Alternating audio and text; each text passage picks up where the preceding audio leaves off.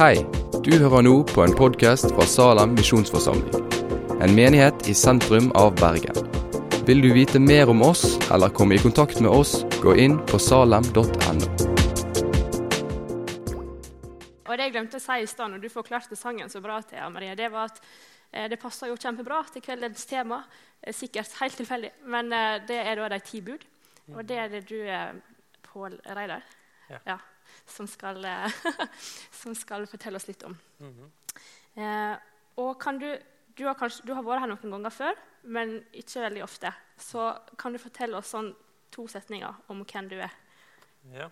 eh, Jeg heter Paul Reidar eh, Odé. Jeg sitter i styret her i Salem. Jeg var veldig aktiv i Salem Ung frem fram til jeg fikk kone og barn. Nå går jeg oftere på søndagsmøtene. Men jeg er innom av og til her. Mm. Ok, nå må jeg bare spørre. Er det Paul eller er det Pål? Eh, Paul Reidar, men jeg blir også kalt Påli. Ok, Ja. så Så det begge er totalt forvirrende. Mm. Men takk, jeg hadde laga meg en sånn huskeregel på liksom Jean Paul, Ja. for du skriver Paul. Men Ja. eh, da er det Paul, eh, Paul Reidar. Ja. Herlig. Eh, og så eh, har jeg jo òg eh, googla litt og fant ut at du er faktisk ingeniør. Mm. Stemmer det?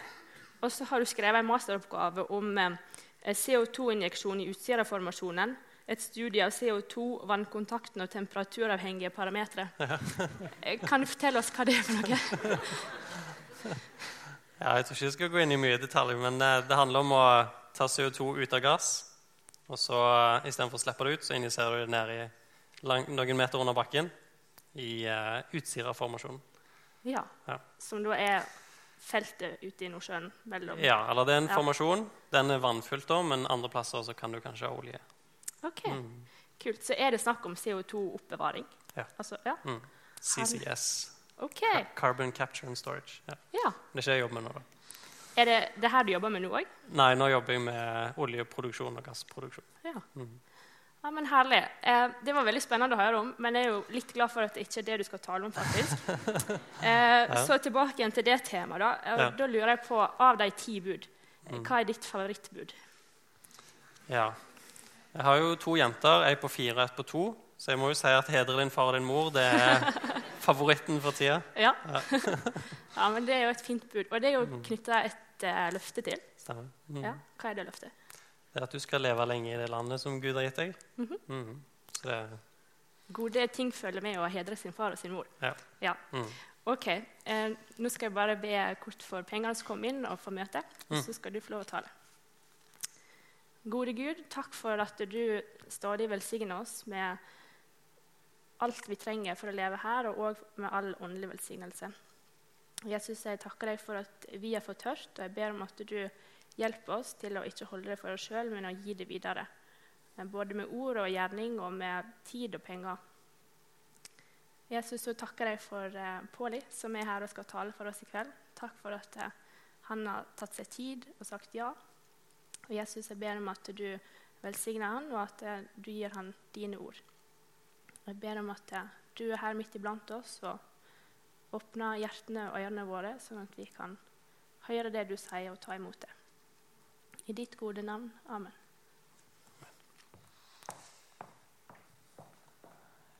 Ja. Vi skal ha om de ti bud, og så ble det jo nevnt at det er Lutherdager eh, her for tida. Det er jo et 500-årsjubileum for Luther. Nei, den gikk ikke lenger opp. Prøver her. Sånn. Og I den forbindelse så vil jeg anbefale dere å skaffe Luthers eh, lille, men helst òg store katekisme, hvis dere ikke har den fra før. Eh, den får du tak i gratis på nettet, men du kan også bestille den. Greit å bla i. Det er en veldig lettlest eh, bok og er meint for Da finner jeg innledningen her. Denne prekenen er tenkt å skulle brukes i undervisning av barn og enkle mennesker. Så den burde passe for de fleste. Luther skriver veldig morsomt, veldig lett, veldig enkelt, og han har òg veldig mye om de ti bud. Det er veldig mye om de ti bud i den store katekismen. Mer enn det vi får eh, dekka i dag og eh, på flere møter her i Salem. Så det er en sånn ressurs å gå til hvis dere vil ha mer og litt mer utfyllende. Eh, så det var en plugg av den. Og så vil jeg òg reklamere for en annen ting. i og med at jeg nevnte jeg var i styret, Så skal vi 19. mars ha årsmøte eh, her i Salem. Det er årsmøte for hele Salem, både lørdag og søndag. Eh, så der må dere stille opp. Vi skal stemme inn nytt styre, eller nye styremedlemmer. Vi skal stemme viktige saker og lufte ting i forsamlingen. Så der er dere hjertelig velkommen, så mange som mulig. Ja, men vi skal snakke om eh, de ti bud. Eh, og det er noe av det mest sentrale som vi finner i Bibelen. Eh, jeg skal begynne å ta og lese fra Andre Mosebok 31, 18. Der står det da Herren hadde talt med Moses på Sinai berg, gav han ham vitnesbyrdets to tavler, steintavler skrevet med Guds finger. Vi hørte litt tidligere at Moses han fikk lov til å gå opp på Sinai og fikk eh, skue Gud, og ansiktet hans lyste etterpå. Og da fikk han disse budene, eller de ordene, på steintavler. Og de er skrevet med Guds egen finger. Eneste i Bibelen som er skrevet med Guds finger, og som er på stein framfor eh, papir eller papyrus. Så disse tingene viser oss at dette er noe som er veldig viktig, noe som er ment å vare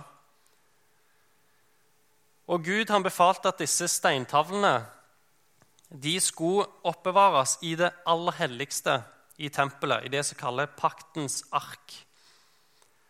I Hebreerne 9, 3-4 så står det om akkurat det.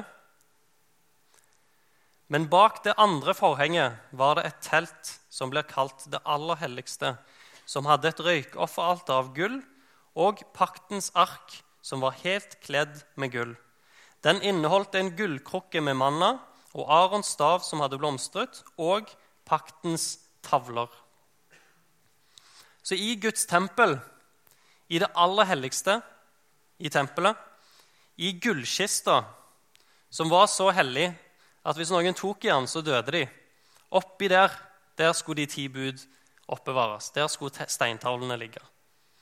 Så Vi skjønner det at de ti bud de er helt sentrale både fra Guds ståsted, men òg for oss mennesker og i Bibelen. Så Jeg vil bruke litt tid på å bygge opp en liten sånn ramme rundt budene før vi begynner å se på enkelte bud. Eh, og jeg skal si litt om innledning og litt om inndeling. Begge de to er ganske til hjelp. Det kommer fram at jeg er ingeniør, så jeg liker litt sånn systematikk. og på en måte Antakelsen som ligger bak, hjelper veldig til å, å få fram eh, meningen enda bedre.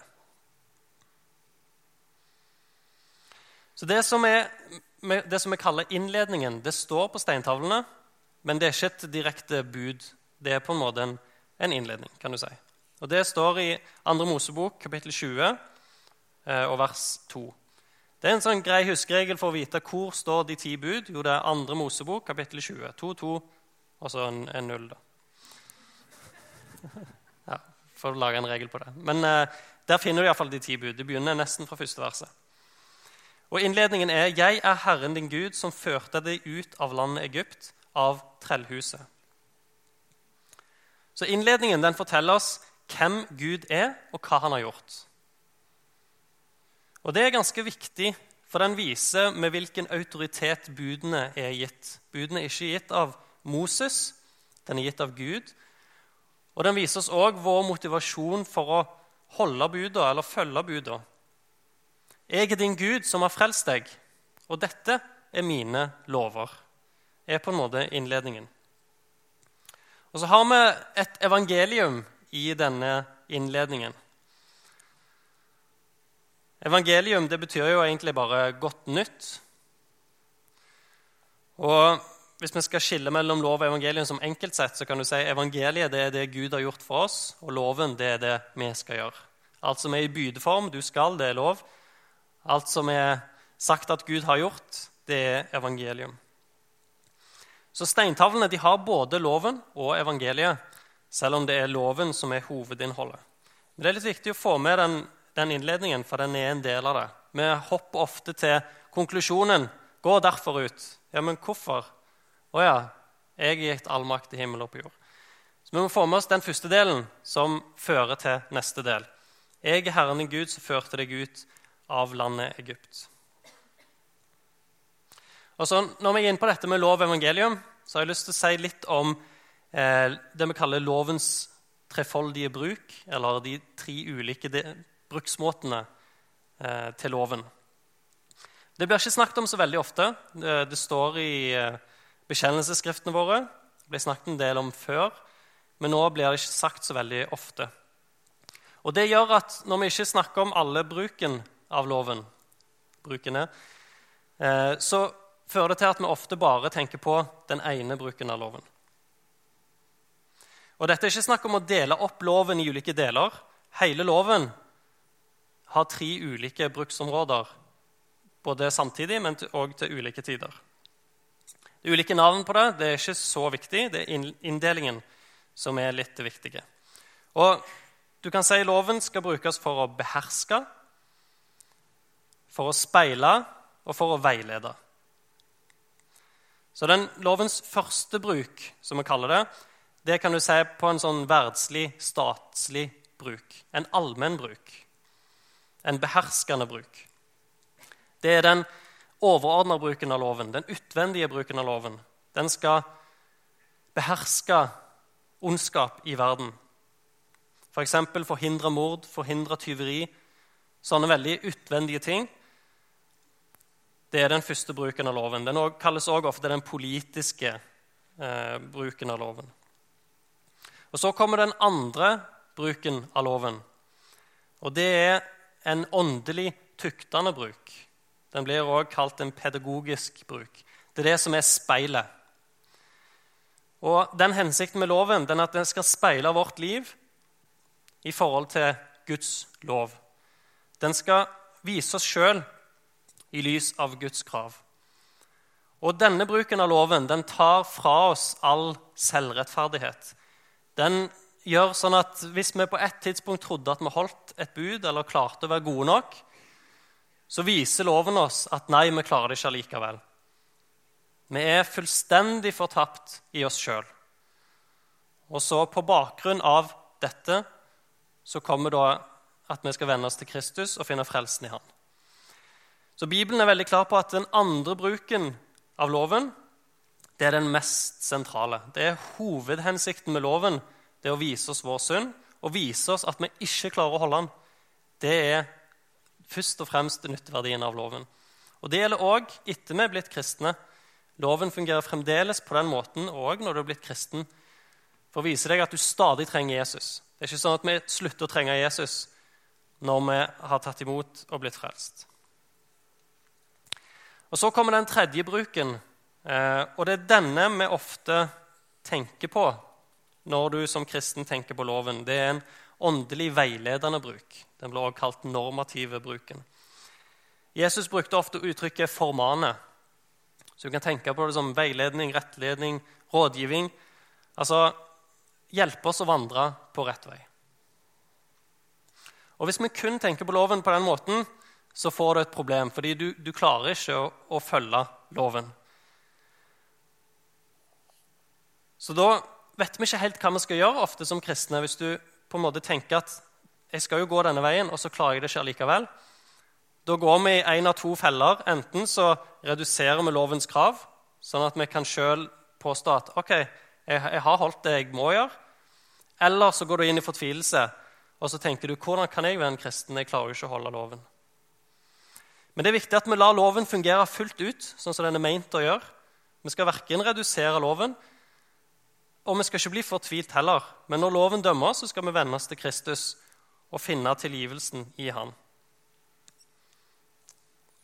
Så det er en viktig del av det kristne livet. Så det var inndelingen, eh, lovens ulike bruk. Så ha det i bakhodet når vi går gjennom eh, budene etter hvert òg. Og så er det en annen ting som er òg en inndeling av loven, og det er de to tavlene. Eh, jeg skal si litt om de to tavlene jeg skal si litt om nummereringen òg etterpå. Men jeg begynner med de, de, to tavlene. Vi leste i andre Mosebok tidligere at Moses kom med to tavler. Og Det er derfor vi bruker uttrykket 'to tavler'. Og Hvis du ser på budene og prøver å finne en sånn tematikk, så kan du se at den kan deles inn i to kategorier. Så må finner finne igjen andre plasser i Bibelen. Det er 'elsker Gud', og så er det å elske de neste. Jeg kan ta og lese i Matteus 22, og fra 36 til 40. Og Der kommer de skriftlærde og så spør de Jesus, 'Mester, hvilke bud er det største i loven?' Han sa til ham, 'Du skal elske Herren din Gud av hele ditt hjerte, av hele din sjel og av all din forstand.' Dette er det største og første bud. Men et annet er like stort. Du skal elske de neste som deg selv. På disse to bud hviler hele loven og profetene. Så Når vi snakker om de to tavlene, så kan de oppsummeres på denne måten. Den første tavlen handler om å elske Gud, og det er bud 1-3. Og den andre tavlen det handler om å elske sin neste, og det er bud 7-10. Og Det som vi skal snakke om i dag, det er den første tavlen. Og så skal Kristian neste uke ta for seg den andre tavlen. Og så var det dette med nummereringen. For det er sånn som sikkert noen av dere vet, så har vi en litt ulik nummerering på buda i ulike kristne kirkesamfunn. Um, utfordringen er at Bibelen sier at det er ti ord eller ti bud. I 5. Mosebok 4.13 så står det han forkynte dere sin pakt som han bød dere holde, de ti ord. Han skrev dem på to steintavler. Så vi vet at det skal være ti ord, men vi er ikke gitt nummereringen. Det er ikke gitt nummer én dette, nummer to dette. Og Verseinndelingen det er noe som er gjort i ettertid for å gjøre det lettere å lese Bibelen. Og så kan det være den logiske tanken er jo å dele det inn etter du skal eller du skal ikke. Men det fins flere du skal og du skal ikke enn ti. Så på et eller annet punkt så må du slå sammen noen for å få ti til sammen. Og det er her denne eh, forskjellen kommer inn. Eh, de lutherske og katolske kirkesamfunnene de slår sammen du skal ikke ha andre guder enn meg, og du skal ikke lage deg et gudebilde. Det slår de sammen til ett bud, så de kaller det første budet. Og så, Det de gjør senere, er at de deler opp det som handler om å begjære. Så det å begjære de nestes hus blir ett bud, det niende. Og det å begjære de nestes hustru, tjener, okse osv., det blir det tiende. Mens ortodokse og reformerte kirkesamfunn de deler opp det første. Du skal ikke ha andre guder, det sier de nummer én. Du skal ikke lage gudebilde, det blir nummer to. Og så slår de sammen begjærebudet til ett bud, som er nummer ti. Eh, det som er litt interessant, er at i femte Mosebok, i kapittel fem der, så blir de ti bud gjentatt av Moses til israelsfolket. Og Der kommer begjæret hustru før begjæret hus. Altså Nummer ni kommer før ti, hvis du tenker på den lutherske eh, rekkefølgen. Så det kan enten bety at eh, rekkefølgen på slutten ikke betyr så veldig mye, eller at det er bare samme budet, men eh, det er ikke så viktig hva som kommer først. Ja, det er sånne ting som jeg kan synes er litt interessant å gå i dybden på, men jeg skal ikke si så mye mer enn det. Men da vet en iallfall hvorfor det av og til er litt ulik nummerering når vi snakker om første eller andre eller tredje bud osv. Men innholdet er uansett det samme. Selv om vi slår sammen eller deler opp, så er innholdet det samme. Og det er det som er det viktige. Og Da skal jeg endelig begynne å se på det første budet. Eh, og Da vil jeg lese det sånn som det står i 2. Mosebok 20. Vi bruker jo ofte en sånn forkortelse, men det, det står mye mer i, eh, i teksten. Og eh, Jeg skal lese det første budet, jeg skal lese det som handler om gudebilder, og så skal jeg også lese det som handler om nidkjærhet de tingene henger sammen. Jeg skal komme litt tilbake på hvert av punktene. Eh, andre Mosebok 20, og så vers 3-6. Du skal ikke ha andre guder foruten meg. Du skal ikke gjøre deg noe utskåret bilde eller noen avbilding av det som er oppe i himmelen, eller av det som er nede på jorden, eller av det som er i vannet nedenfor jorden. Du skal ikke tilbe dem og ikke tjene dem, for jeg, Herren din Gud, er en nidkjær Gud, som hjemsøker fedres misgjerning på barn inntil tredje og fjerde ledd på dem som hater meg, og som viser miskunn i tusen ledd mot dem som elsker meg og holder mine bud. Så det første budet, det er hovedbudet. Det er kronen. Det det er det sentrale budet som alle andre bud kommer ut ifra. Det er det viktigste. Og den teksten her kan vi dele inn i tre deler. Den første er hvem du skal tilbe. Den andre er hvordan du skal tilbe. Og den tredje er hvorfor vi skal tilbe. Sånn enkelt sagt. Og på det første, hvem du skal tilbe, det er der vi ofte forkorter budet til 'du skal ikke ha andre guder enn meg'. Men så kan du spørre deg hva, hva vil det si å ikke ha andre guder? For På en side så sier Bibelen at det fins ingen andre guder. Det er bare én gud. Alle andre guder er bare tull. Og Samtidig så omtales djevelen som denne verdens gud. Og du har andre ting som omtales eh, som Gud. Vi hørte tidligere om mammon, som, betyr, som står for penger. At penger Du kan ikke tjene Gud og mammon. Så penger blir satt opp som et alternativ til Gud. Du kan ikke tjene Gud eller denne guden penger. Så det som blir regna som Gud i denne sammenheng, det er det som vi frykter, elsker og ærer, og som vi setter vår lit til, som vi stoler på. Hva er det du stoler på for frelse, for hjelp? Hva er det du søker når du er i nød? Det kan du se på som en, som en gud i denne sammenheng. Og Det kan være tanken om Gud i andre religioner, som Allah i islam eller en av de mange hinduistiske gudene. Det kan være penger, som jeg nevnte. Og det kan både være hvis du er rik fordi du har mye penger og setter din lit til det, at dette, dette hjelper meg gjennom det meste. Eller det kan òg være hvis du er fattig og ser på penger som en løsning på alle dine problemer. Det kan være at vi ser på oss sjøl som en gud, våre egne evner eller vårt eget bilde. At vi opphøyer et bilde av oss sjøl og dyrker oss sjøl, enten det er i virkelige liv eller på nettet. At vi skaper oss et avgudsbilde av oss sjøl. Eller det kan være andre mennesker som vi opphøyer, som vi ærer, som vi frykter og elsker, som kjendiser, idoler osv. Idol kommer jo fra dette idol, altså en avgud. Det er jo litt ironisk at navnet er det. Så jeg tror hvis vi tenker gjennom eh, for oss sjøl hva er det som opptar oss i livet, hva er det vi bruker tid på, hva er det vi snakker mye om, hva er det vi søker når vi har det vanskelig og tungt, så finner vi mange avguder i livet vårt. Og det må vi være bevisst på eh, og vite hvem den sanne guden er, og frykte og ære og elske han alene og sette all vår lit til han alene og det han har gjort for oss. Så Den første delen det går på hvem du skal tilbe. Du skal ikke tilbe andre guder enn meg. Du skal ikke tilbe falske guder. Men det går òg an å tilbe den sanne Gud på en falsk måte.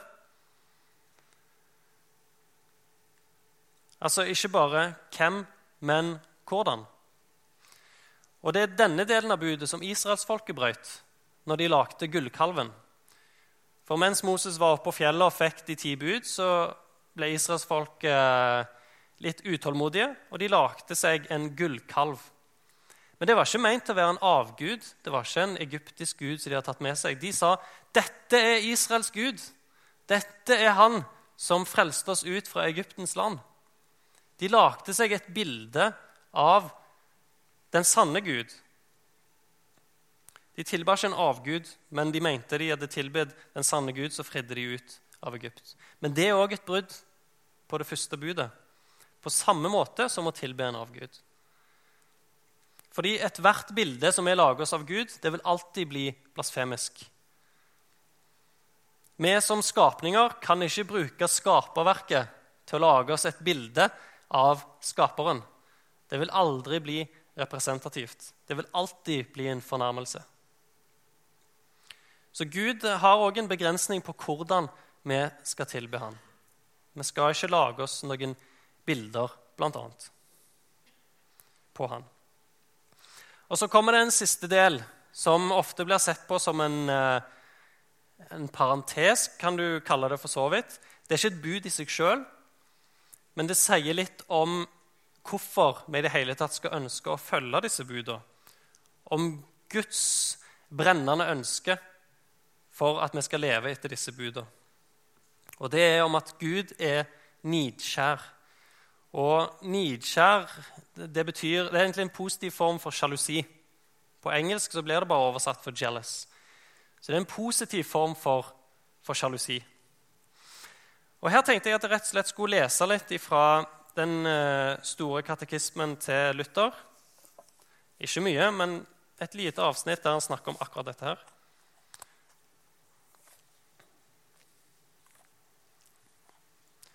Der skriver han for at folk skal se at Gud ikke vil la oss blåse av dette, men våker strengt over det, har han ved dette, først, han ved dette budet for det første tilføyd en forferdelig trussel, dernest et vakkert, trøsterikt løfte. Dette må en også gjennomgå skikkelig og banke det inn i ungdommen, så de legger det seg på sinne og husker det.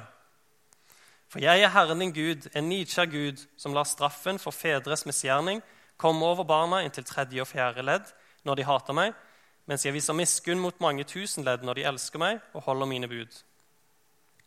Selv om disse ordene går på alle budene, som vi senere skal høre, er de likevel føyd til nettopp dette hovedbudet.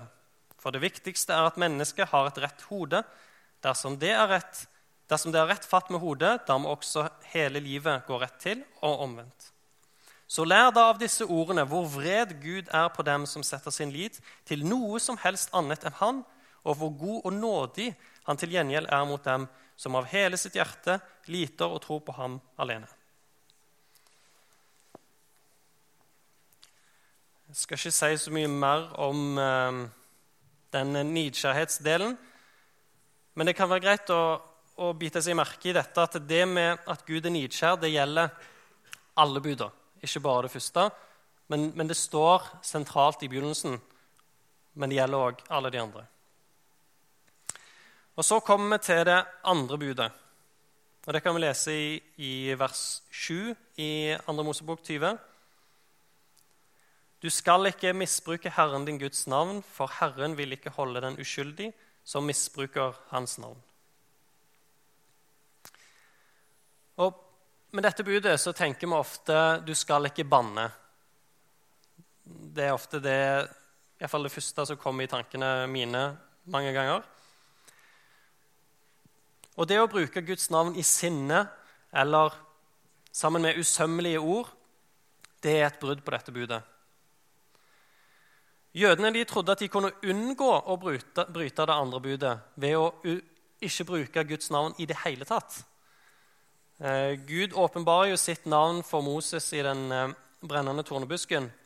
Og Der sier han at 'jeg er den jeg er'. JHVH eh, blir det ofte forkorta. Noen trodde at det skulle bli uttalt Jehova på et tidspunkt, men det mest sannsynlig stemmer det ikke. Kanskje det er Jahve. Litt vanskelig å si fordi konsonantene er utelatt. Men jødene de ville ikke bryte det andre budet, så det de gjorde, var at de sa bare 'Herren' istedenfor å, å si dette ordet. Så de brukte aldri Guds navn. De sa bare 'Herren'. Og da trodde de at de på den måten kunne unngå å bryte dette budet. Men Guds navn, det å ære Guds navn, det å holde Guds navn hellig, det å ikke misbruke Guds navn, det går på mer enn bare å si ordet. For Guds navn det representerer hvem han er. Så f.eks. vranglære, det å si feil ting om Gud, det å lyge om Gud i hans eget navn, det er den verste måten jeg kan bryte dette budet på. Og Det er det Jesus beskylder fariseerne for. Han sier at dere taler i min fars navn, men det dere sier, er feil. Dere bryter dette budet, selv om de prøvde å finne en måte å unngå det på. Og Den vanligste formen for brudd på det andre budet i Norge det er nok nettopp dette å si og lyge i Guds navn. Fordi våre banneord handler stort sett om å påkalle djevelen.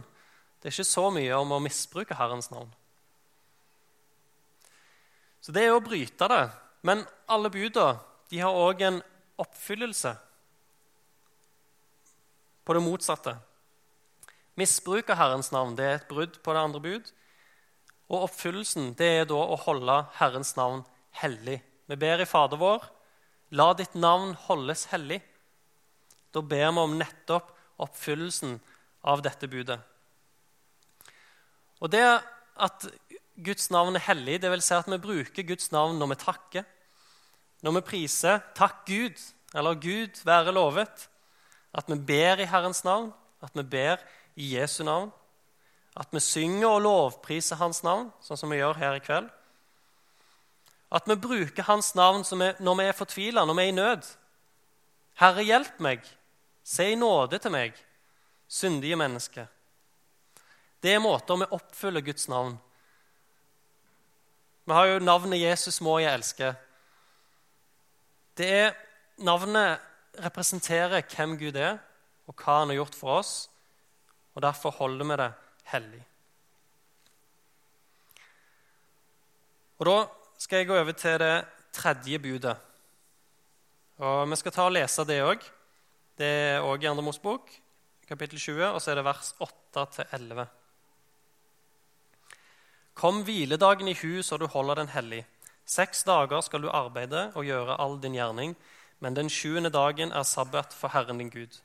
Da skal du ikke gjøre noe arbeid, verken du selv eller din sønn eller din datter, verken din trell eller din trellkvinne, eller ditt fe eller den fremmede som er hos deg innenfor dine porter.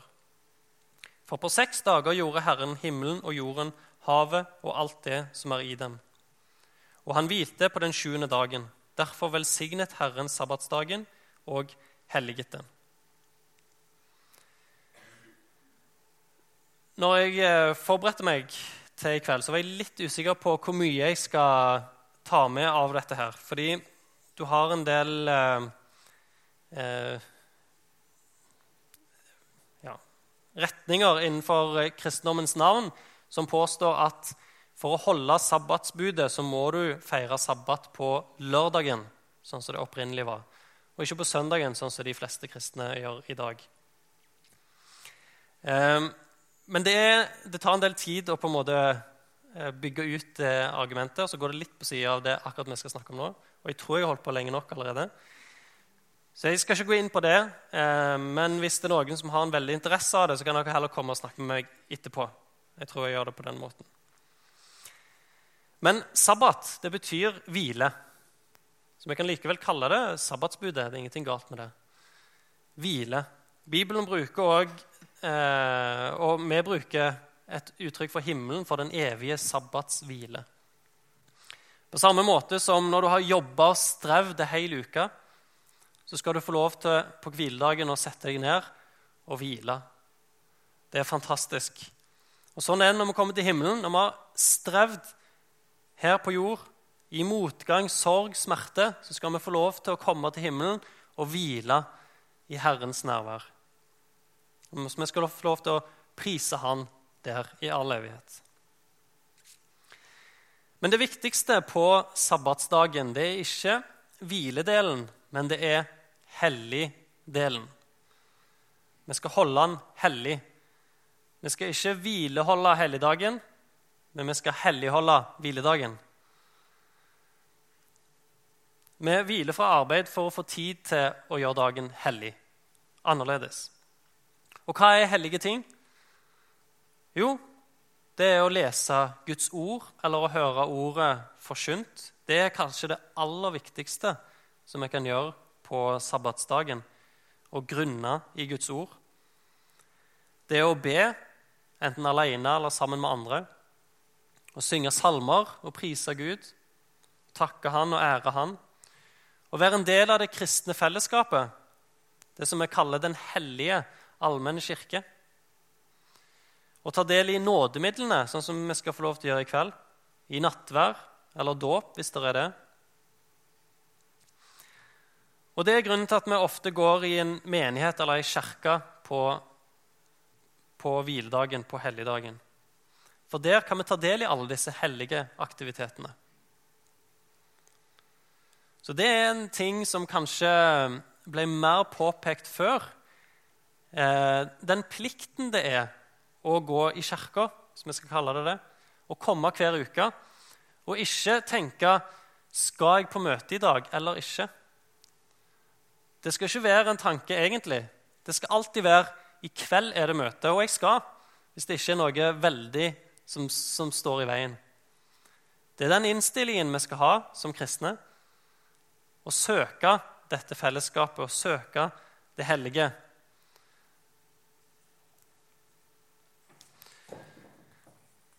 Der var det signal om at jeg må slutte av.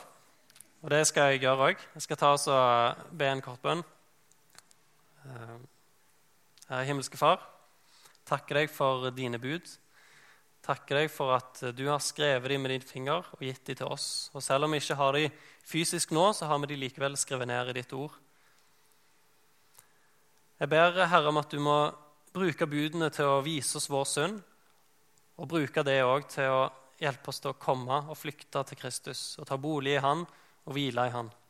Og Du kan òg bruke budene til å veilede oss på den kristne vandringen, at du gjør oss lik din sønns bilde, Herre. Må du la Den hellige ånd virke i oss. I Jesu navn. Amen.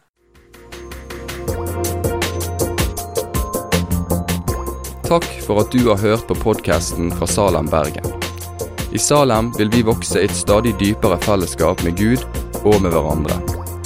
Vi vil være Jesu hender og føtter, og vi vil være med og forkynne frelse for Bergen og resten av verden. Besøk oss gjerne på salam.no om du vil vite mer.